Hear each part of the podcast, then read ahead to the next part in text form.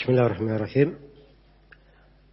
الحمد لله رب العالمين والصلاة والسلام على المبعوث رحمة للعالمين نبينا محمد وعلى آله وصحبه ومن تبعهم بإحسان إلى يوم الدين أما بعد.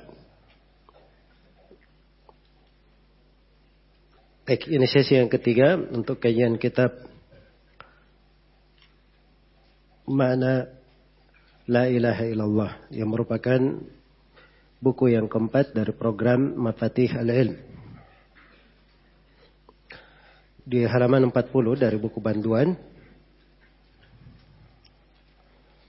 Berkata penulis rahimahullahu taala Fallaha Allaha ikhwani tamassaku bi asli dinikum awalihi wa akhirihi أسه ورأسه. وهو شهادة أن لا إله إلا الله. وأعرفوا معناها. وأحبوا أهلها. وجعلوهم إخوانكم ولو كانوا بعيدين. واكفروا بالطواغيت. وعادوهم. وبغضوا من أحبهم. أو جادل عنهم. أو لم يكفرهم أو قال ما علي منهم أو قال ما كلفني الله بهم. فقد هذب فقد كذب هذا على الله وافترى. بل كلفه الله بهم وفرض عليكم الكفر بهم والبراءة منهم ولو كانوا إخوانه وأولاده. فالله الله تمسكوا بأصل دينكم لعلكم تلقون ربكم لا تشركون به شيئا اللهم توفنا muslimin والحقنا بالصالحين baik jadi saya poinkan di sini dua pembahasan di al-masail yang pertama al-wasiyatu bitamassuk bi aslid din wasiat untuk berpegang teguh dengan pokok agama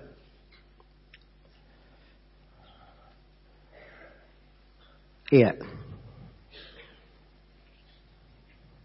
Dan yang kedua al-hathu ala marifati muqtadayat syahadati an la ilaha illallah. Anjuran untuk mempelajari konsekuensi syahadat la ilaha illallah. Ini dua hal yang ditekankan oleh penulis.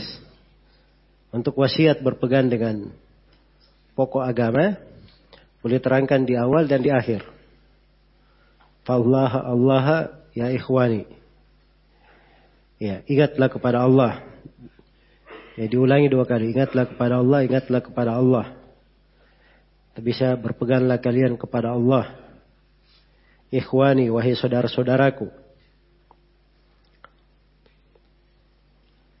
Tamassaku bi asli dinikum. Berpeganglah dengan pokok agama kalian. Penganjuran untuk termasuk berpegang teguh. Karena memang kita diperintah untuk termasuk. Sebagaimana perintah Allah Subhanahu wa taala wa tasimu bihablillahi jami'an wa la tafarraqu. Berpegang teguhlah kalian semua dengan tali Allah dan jangan kalian bercerai-berai.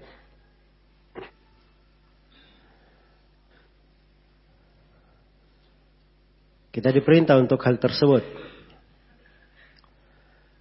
Dan pokok agama itu inilah yang akan diterangkan oleh penulis bahwa dia adalah syahadat la ilaha illallah. Iya.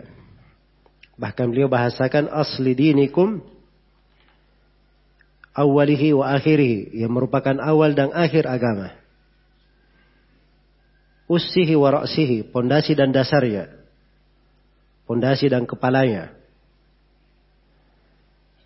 Apa itu? Syahadat Allah ilaha illallah. Ya. Ini pokok agama yang harusnya dipegang. Selalu dijaga dan dipelihara. Selalu dijaga dan dipelihara. Dia adalah awal dari agama akhir itulah pondasi dan itu pula kepala dan dasarnya, pokok dan dasarnya. Tanpa syahadat la ilaha illallah tidak ada keberuntungan untuk seorang hamba di dalam hal tersebut. Baik. Maka ini oleh penulis rahimahullahu taala diingatkan akan pentingnya hal ini sebagai dasar seseorang itu hidup sebagaimana dia diperintah. Karena Allah memerintah kita dan mengadakan kita untuk memurnikan ibadah kepadanya. Berpegang dengan tauhid ini. Wa ma khalaqatul jinna wal insa illa liya'budun. Tidaklah aku menciptakan jin dan manusia kecuali untuk beribadah kepadaku.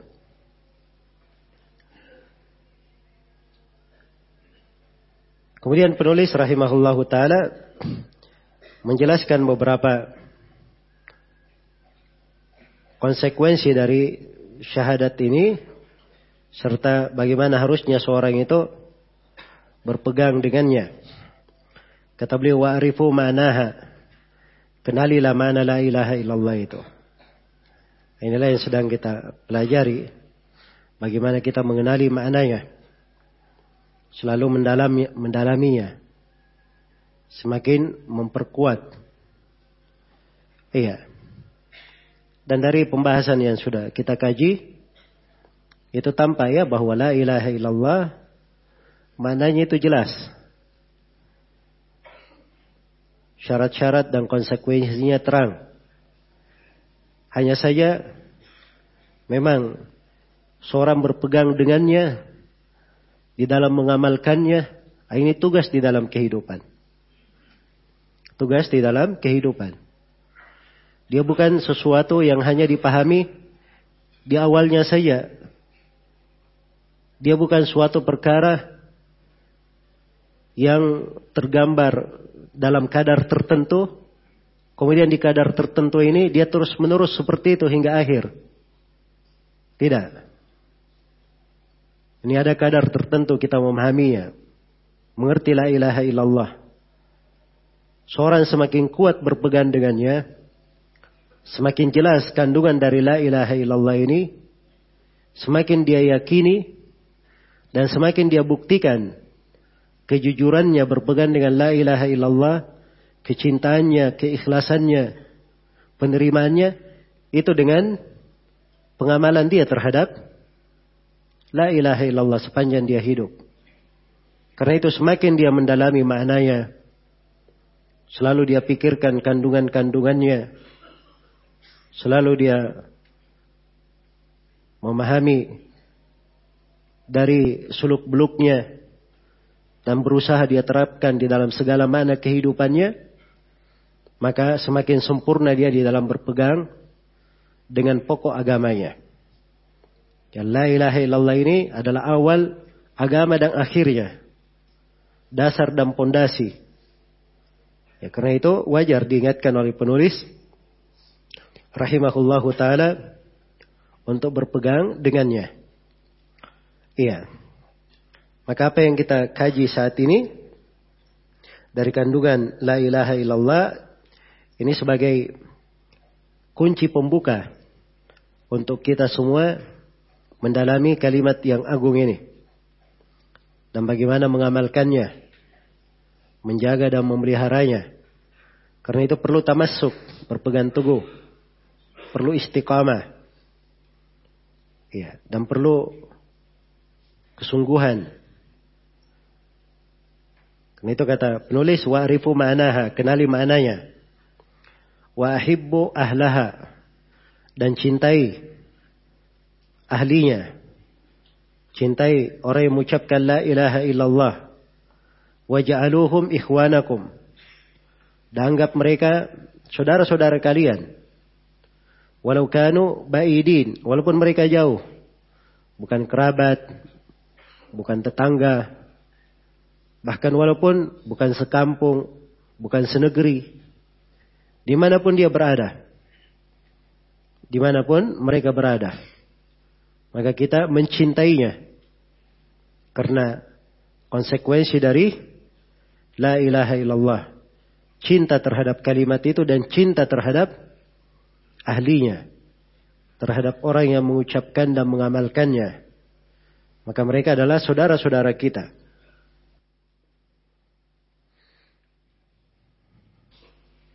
Baik, jadi kaum muslimin orang-orang yang bertauhid itu dekat, bersaudara. Walaupun jauh dari sisi nasab, jauh dari tempat tinggal. Karena Allah Subhanahu wa taala telah berfirman, "Innamal mu'minuna ikhwah." Sungguhnya orang-orang yang beriman itu bersaudara. Iya. Allah mengingatkan wadhkuru ni'matallahi 'alaikum id kuntum a'da'an fa'alafa baina qulubikum fa asbahtum bi ni'matihi ikhwana wa kuntum ala syafa hufratin minan nari fa anqadakum minha. Dan ingatlah nikmat Allah Subhanahu wa taala kepada kalian. Di mana kalian dulunya bermusuhan. Iya. Lalu Allah menyatukan antara hati-hati kalian.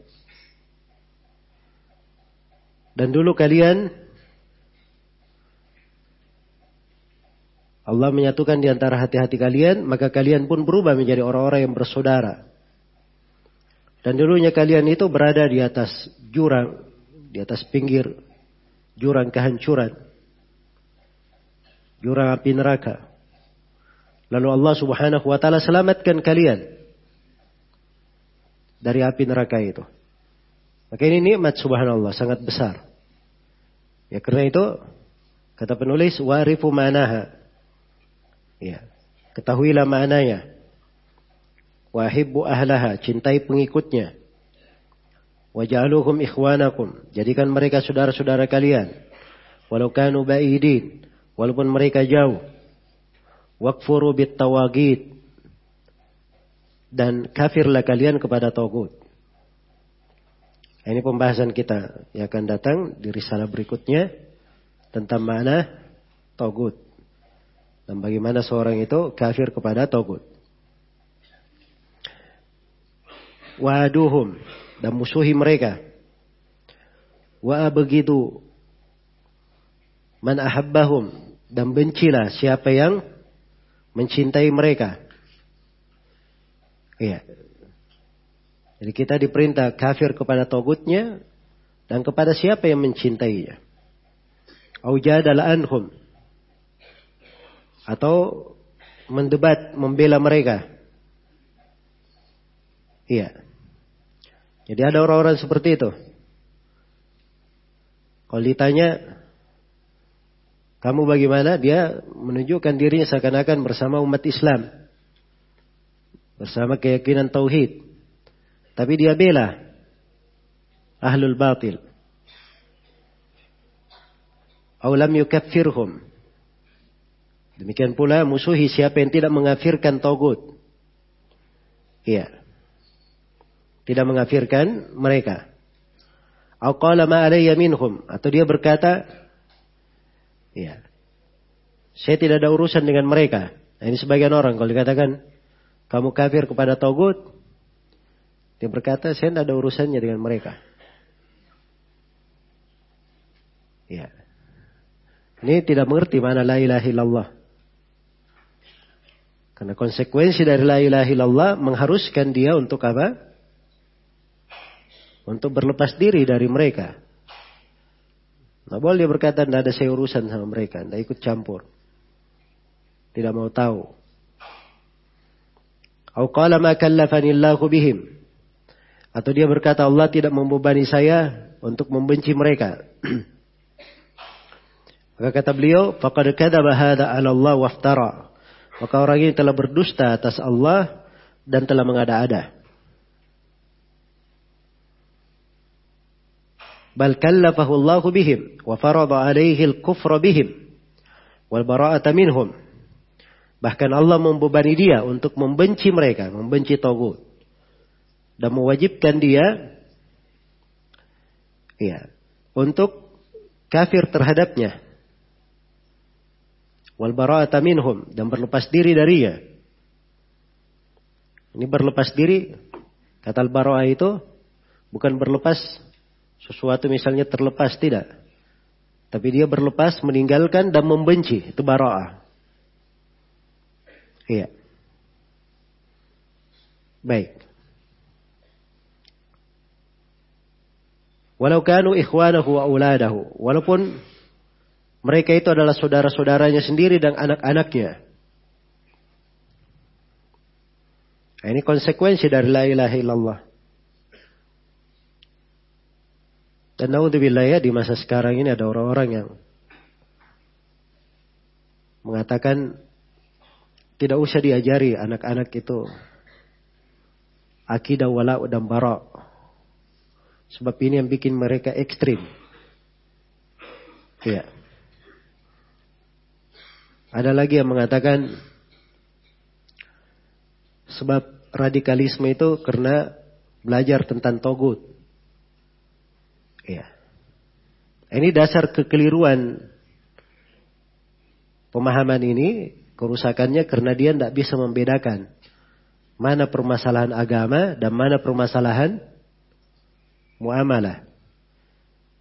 Jadi orang-orang yang keliru pemahamannya itu karena mereka memang tidak bisa mendudukkan antara pembahasan yang merupakan prinsip yang mesti dijaga dan pembahasan yang merupakan prinsip agama yang lain yang juga perlu dipelihara.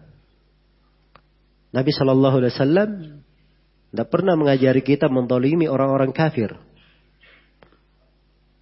Iya dan tidak boleh berbuat dolim kepada siapa pun di dalam syariat kita.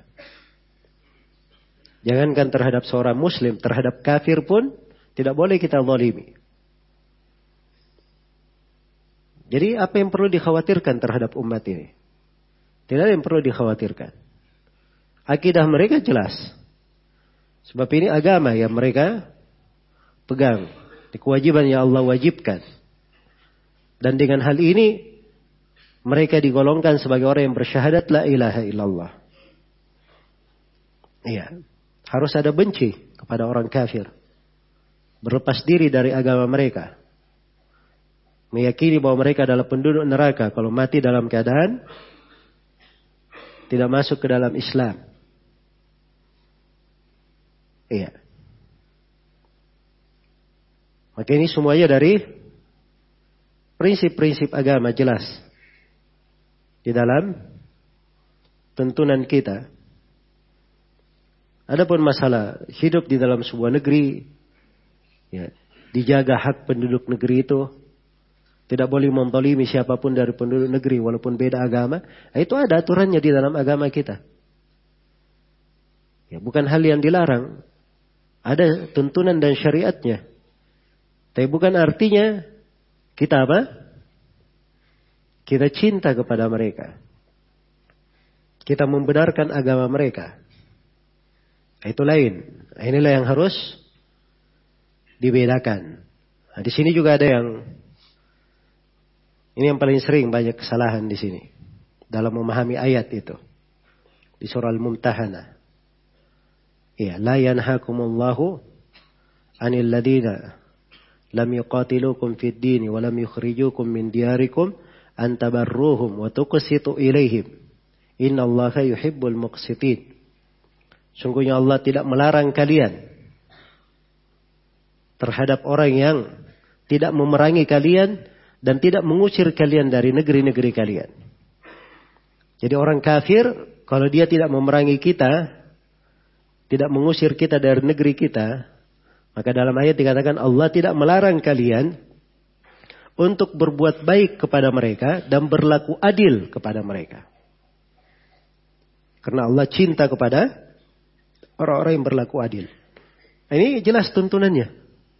Padahal surah Al-Mumtahana ini surah yang dari awalnya menegaskan bara kepada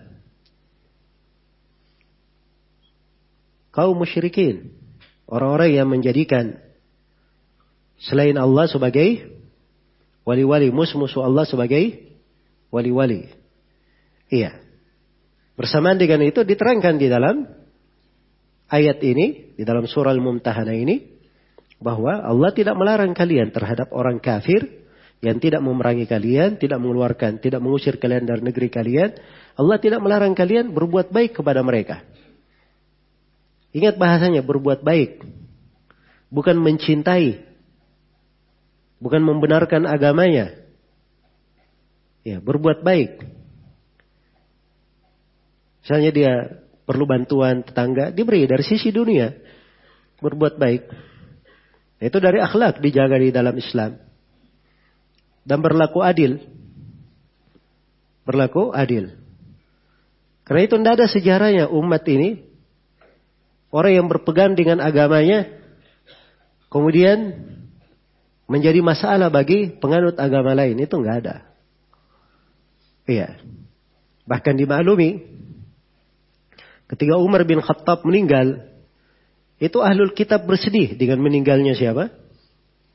Umar bin Khattab karena keadilan yang merata di masa beliau. Tidak ada yang dizalimi. Al-Imam Al-Auza'i Abdurrahman bin Amr bin Abi Amr, Abu Amr al-Auzai, Imam negeri Syam. Ketika beliau meninggal, itu berlimpah ruah yang mengantar jenazahnya. Ada orang-orang Yahudi dan Nasara ikut mengantar jenazahnya juga. Tapi mereka berada di sudut-sudut tertentu. Ketika ditanya, kenapa kalian ikut bersedih dengan meninggalnya Al-Auzai? Ya. Mereka berkata telah meninggal orang yang menebarkan keadilan di tengah manusia. Nah, ini keadaan para ulama Islam. Jelas ya? Jadi sekali lagi, orang yang memahami tauhid itu harus memahami hakikat dari tauhid. Pandai dia membedakan antara ini dan itu. Karena itu ucapan-ucapan syekh ini arahannya agar supaya seorang memperhatikan pokok agamanya. Sebab la ilaha illallah ini pokok agama. Awal dan akhir agama dasar dan pondasinya. Tidak boleh diganggu. Ini yang merupakan keselamatan seorang hamba. Kandungan dan konsekuensinya sudah diterangkan, jelas. Iya. Di dalam hal tersebut. Dan itu yang berjalan di tengah umat Islam dari dahulu hingga hari ini. Dari dahulu hingga hari ini. Baik. Kemudian di akhirnya beliau ulangi lagi tentang wasiat berpegang dengan pokok agama. Kata beliau, "Allah Allah tamassaku bi asli dinikum la'allakum talqawna rabbakum la tusyrikuna bihi syai'a. Allahumma tawaffana muslimin wa alhiqna bis salihin." Ya, kata beliau ingatlah kepada Allah, berpeganglah dengan pokok agama kalian agar kalian menghadap kepada Rob kalian dengan tidak berbuat kesyirikan kepadanya sama sekali. Sedikit pun. Iya. Kemudian beliau berdoa Allahumma tawaffana muslimin. Ya Allah wafatkanlah kami sebagai orang-orang yang berislam. Walhikna bis salihin. Dan ikutkanlah kami kepada orang-orang yang salih. Ya ini di antara manfaat berpegang dengan pokok agama akan membuat seorang itu ya selalu bermohon kepada Allah Subhanahu wa taala supaya menghadap kepada Allah tidak berbuat kesyirikan. Sebab ini pokok kebahagiaan di dalam hidup ini. Kalau seorang tertutup hayatnya, tertutup kehidupannya dalam keadaan tidak berbuat kesyirikan sama sekali. Iya. Tidak berbuat kesyirikan sama sekali. Karena itu Nabi Yakub alaihi salam itu pesannya kepada anak-anaknya. Am kuntum syuhada'a id hadara Yaqub al-maut ta'buduna min ba'di qalu na'budu ilahaka wa ilaha abaika Ibrahim wa Ismail wa Ishaq ilaha wahida wa nahnu lahu muslimun. Apakah kalian menjadi saksi ketika kematian mendatangi Nabi Yakub? Maka Nabi, ya Nabi Yakub berkata kepada anak-anaknya, apa yang kalian ibadahi nanti setelahku? Ya. dia jaga anak-anaknya. Sampai akhir pesannya adalah memperingatkan itu. Dan dia pelihara bagaimana keturunannya selalu mengingat itu. Apa yang kalian ibadahi nanti setelahku? Maka anak-anaknya menjawab, kami akan selalu beribadah kepada ilah yang engkau ibadahi. Dan ilah ayah-ayahmu, kakek moyang kita yaitu Nabi Ibrahim, Nabi Ismail dan Nabi Ishaq. Agama seluruh Nabi. Ilah yang maha satu. Allah subhanahu wa ta'ala yang maha satu. Wa nahnu lahu muslimun. Dan kami selalu berislam kepadanya. Nah, ini prinsip-prinsip dijaga. Dijaga keesaan. Itu bahasanya ya. Ilah, sembahan yang maha satu. Kemurnian ibadah dia jaga. Dan kemurnian Islam. Wa nahnu lahu muslimun. Penyerahan diri kepada Allah. Ketundukan. Iya. Karena itulah para nabi berharap seperti itu. Nabi Yusuf alaihi salam di akhir dari kisah di surah Yusuf, beliau berdoa kepada Allah, "Tawaffani musliman wa alhiqni bis salihin." Ya Allah, wafatkanlah saya sebagai seorang muslim dan ikutkanlah saya bersama orang-orang yang salih. Iya. Nah, demikian pula Nabi Ibrahim alaihi salam. Nabi Ibrahim alaihi salam juga memohon hal yang sama kepada Allah Subhanahu wa taala. Ya, di dalam doanya ya di surah Asy-Syu'ara. Di mana beliau berkata di apa namanya? Di antara doa yang beliau ucapkan, "Rabbi habli hukman walhiqni bis salihin." Ya Allah jadikanlah saya ya atau ya Allah anugerahkanlah kepadaku hikmah. Dan masukkanlah saya ke golongan orang-orang yang salih. Masukkan saya ke golongan orang-orang yang salih. Ya. Maka seorang berusaha menjaga bagaimana dia di dalam kehidupannya selalu berada di atas makna ini. Mana la ilaha illallah. Inilah kalau tampak di dalam kehidupannya kesungguhan dan keseriusannya, pasti Allah Subhanahu wa taala akan muliakan dia dengan kalimat la ilaha illallah di akhir hayatnya. Akan dimudahkan. Dia berucap la ilaha illallah saat sakaratul maut datang menjemputnya. Ya, akan dimudahkan. Dia di alam kuburnya dan dia ada pertanggungjawaban kelak di kemudian hari. Sebab ini kalimat yang apa? Yang dia jaga dan dia pelihara. Nah, kemudian di halaman 42 ini akhir pembahasan Al-muqarana bain al-musyrikin al-awwalin wal musyrikin al-mutaakhirin. Perbedaan antara musyrikin masa dahulu dan masa sekarang. Ini sudah berlalu ya di pembahasan kaidah yang keempat dari Al-Qawaid Al-Arba. Tapi penulis terangkan di sini karena ada hubungannya dengan pembahasan apa? Pembahasan la ilaha illallah. Iya. Yang memperjelas, mempertegas. Dan sudah kita terangkan pada pertemuan sebelumnya bahwa kaum musyrikin masa dahulu itu mereka paham makna la ilaha illallah. Jadi kalau disebut la ilaha illallah, tidak perlu ditafsirkan. La ilaha illallah itu artinya la ma'budah bihaqqin illallah. Mereka sudah mengerti itu. Karena itu jawabannya spontan. Yang menolak itu, ketika dikatakan la ilaha illallah kepada mereka, jawabannya apa?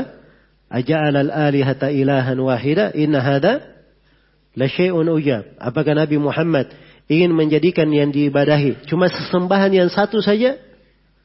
Ini suatu hal yang menakjubkan. Langsung mereka paham apa konsekuensi dari apa? La ilaha illallah.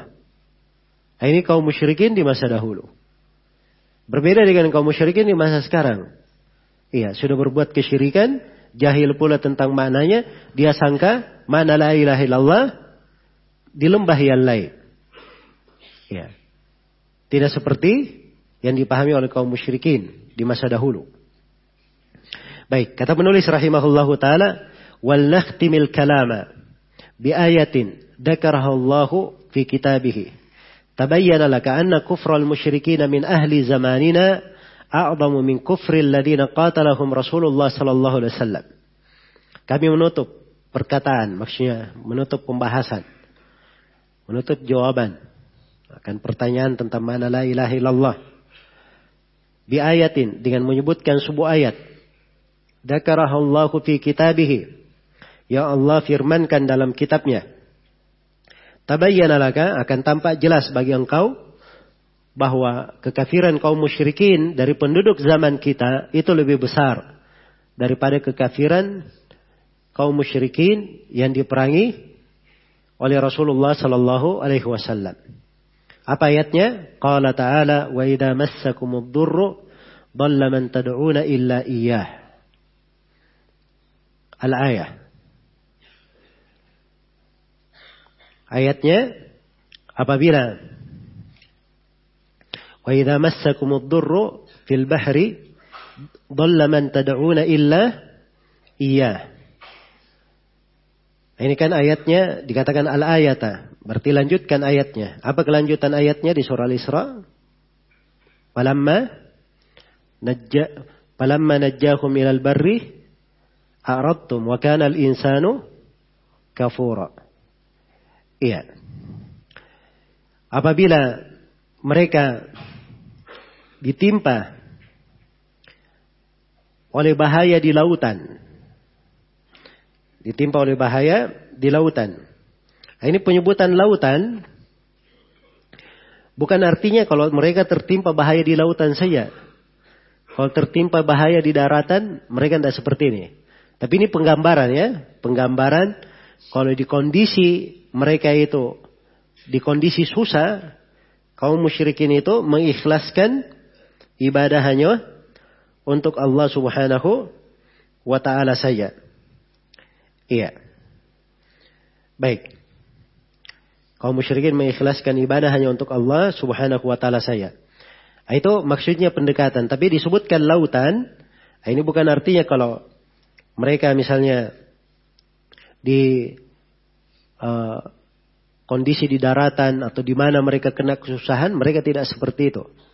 Ya, maksudnya di kondisi susah, mereka itu pasti pasti mengikhlaskan ibadah hanya untuk Allah Subhanahu wa taala saja.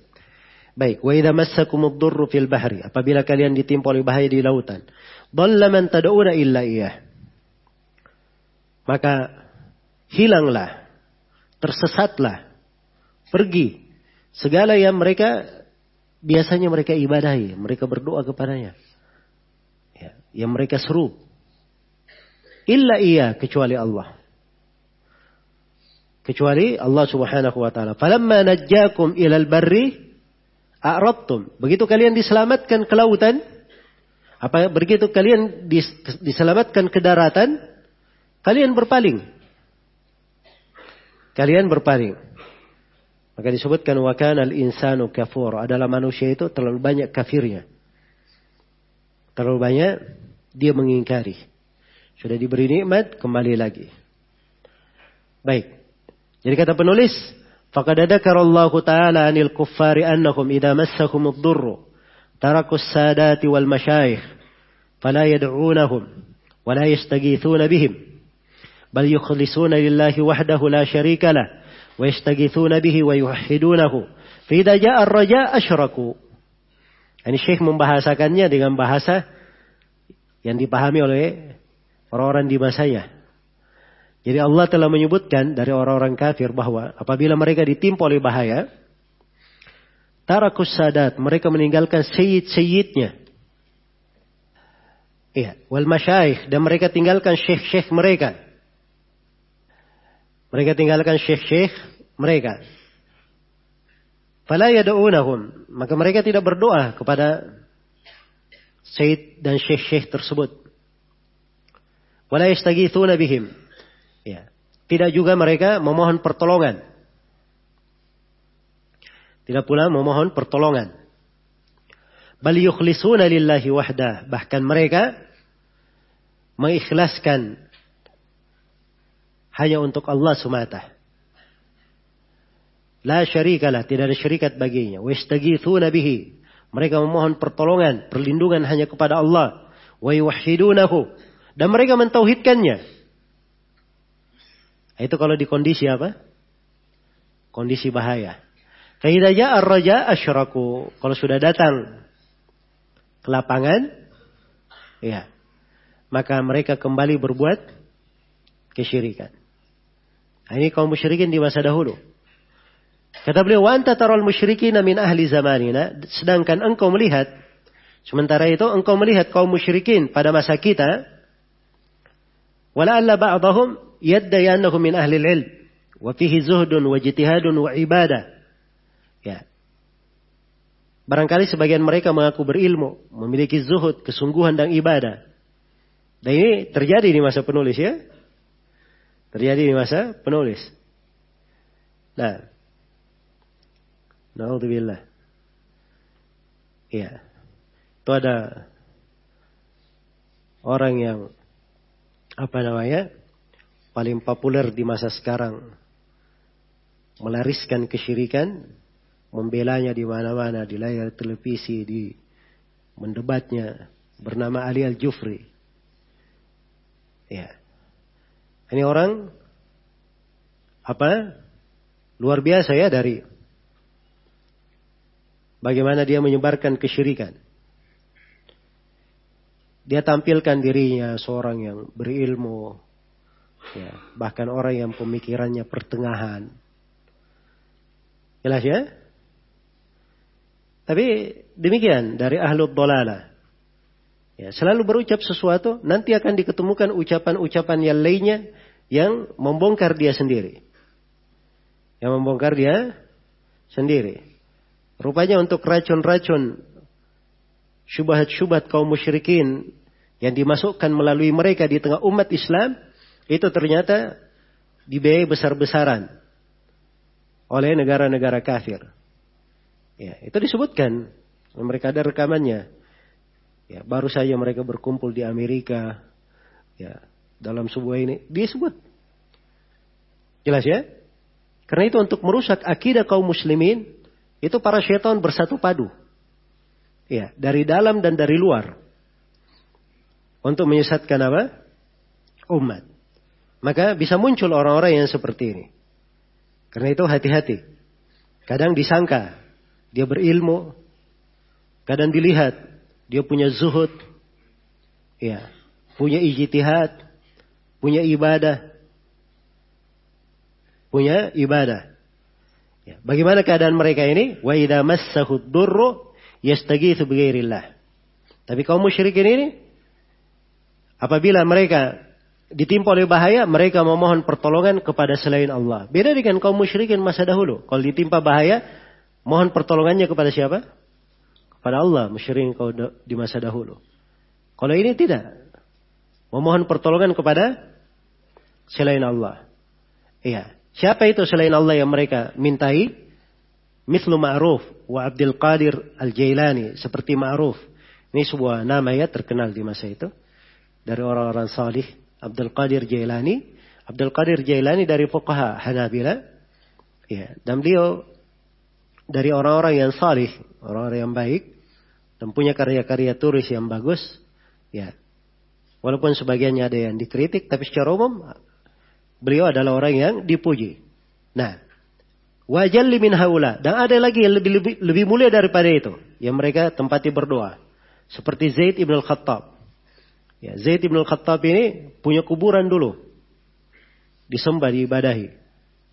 Ya, manusia datang ke kuburan Zaid ibn al-Khattab. Zaid ibn al-Khattab ini saudara dari Umar Ibnu Khattab radhiyallahu anhu bersaudara. Jadi kuburannya itu pernah ada didatangi oleh manusia di masa Syekh Muhammad bin Abdul Wahab. Orang-orang datang ke kuburan, ya Zaid, ya Zaid. Bukan berdoa kepada Allah. Ya Zaid, ya Zaid. Tapi perhatikan ya hikmah Syekh Muhammad bin Abdul Wahab waktu itu. Bagaimana cara beliau menegur? Beliau tidak bilang kamu ini musyrikin. Kamu ini kesyirikanmu lebih parah dari kesyirikan kaum musyrikin di masa dahulu. Ya kamu ini kafir. Beliau tidak berucap seperti itu. Beliau hanya berkata kepada orang-orang itu, Allahu khairum min Zaid. Allah itu lebih bagus kamu tempati berdoa daripada Zaid. Kan sesuatu masuk akal, diterima. Iya kan? Allah lebih baik daripada apa? Dari Zaid.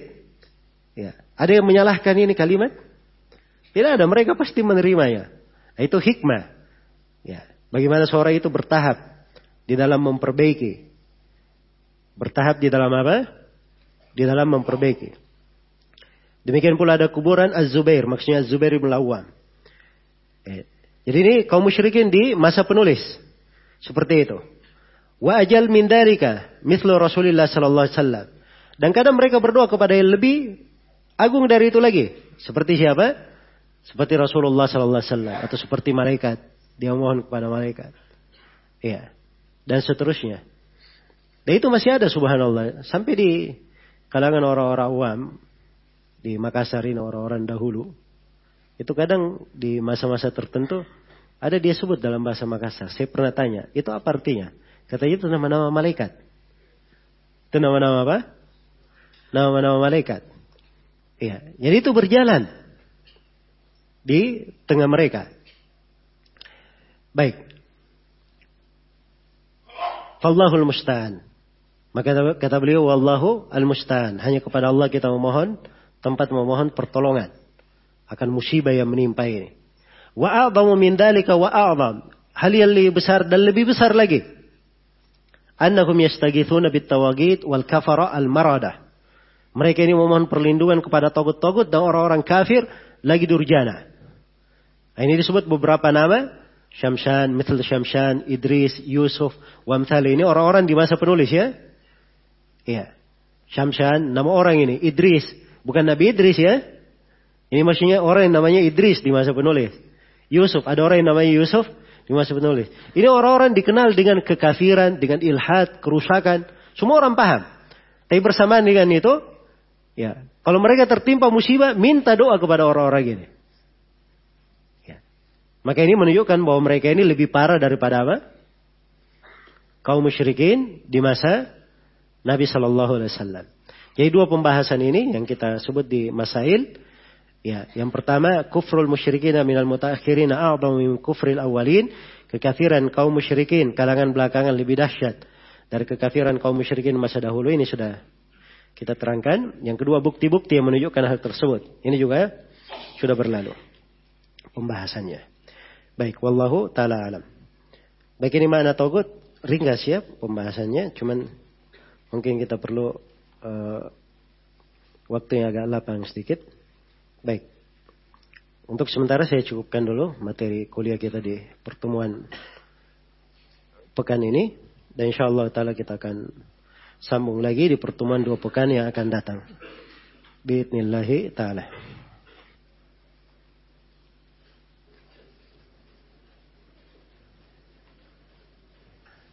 Ya mudah-mudahan apa yang sudah dijawab ada manfaatnya untuk seluruh hadirin. Ya dan mudah-mudahan apa yang ditanyakan itu akan terbahas nanti di kajian-kajian yang akan datang. Mudah-mudahan Allah Subhanahu wa taala selalu mencurahkan kepada kita semua taufik dan inayahnya memberikan kepada kita istiqamah dalam belajar dan menuntut ilmu serta selalu memudahkan jalan kita uh, kepada hal yang dicintai dan diridhoi ya. Dan semoga Allah memberikan selalu kepada kita istiqamah, pemahaman di dalam memahami agamanya, fikih di dalam syariatnya. Dan semoga Allah subhanahu wa ta'ala menggolongkan kita sebagai orang-orang yang selamat di dunia dan di akhirat. Innahu waliyu dhalika wal qadiru alaih. Wallahu ta'ala alam. Subhanakallahumma bihamdik. Asyadu an la ilaha illa anta. Astaghfirullah wa atubu ilaik. Walhamdulillahi rabbil alamin. Wassalamualaikum warahmatullahi wabarakatuh.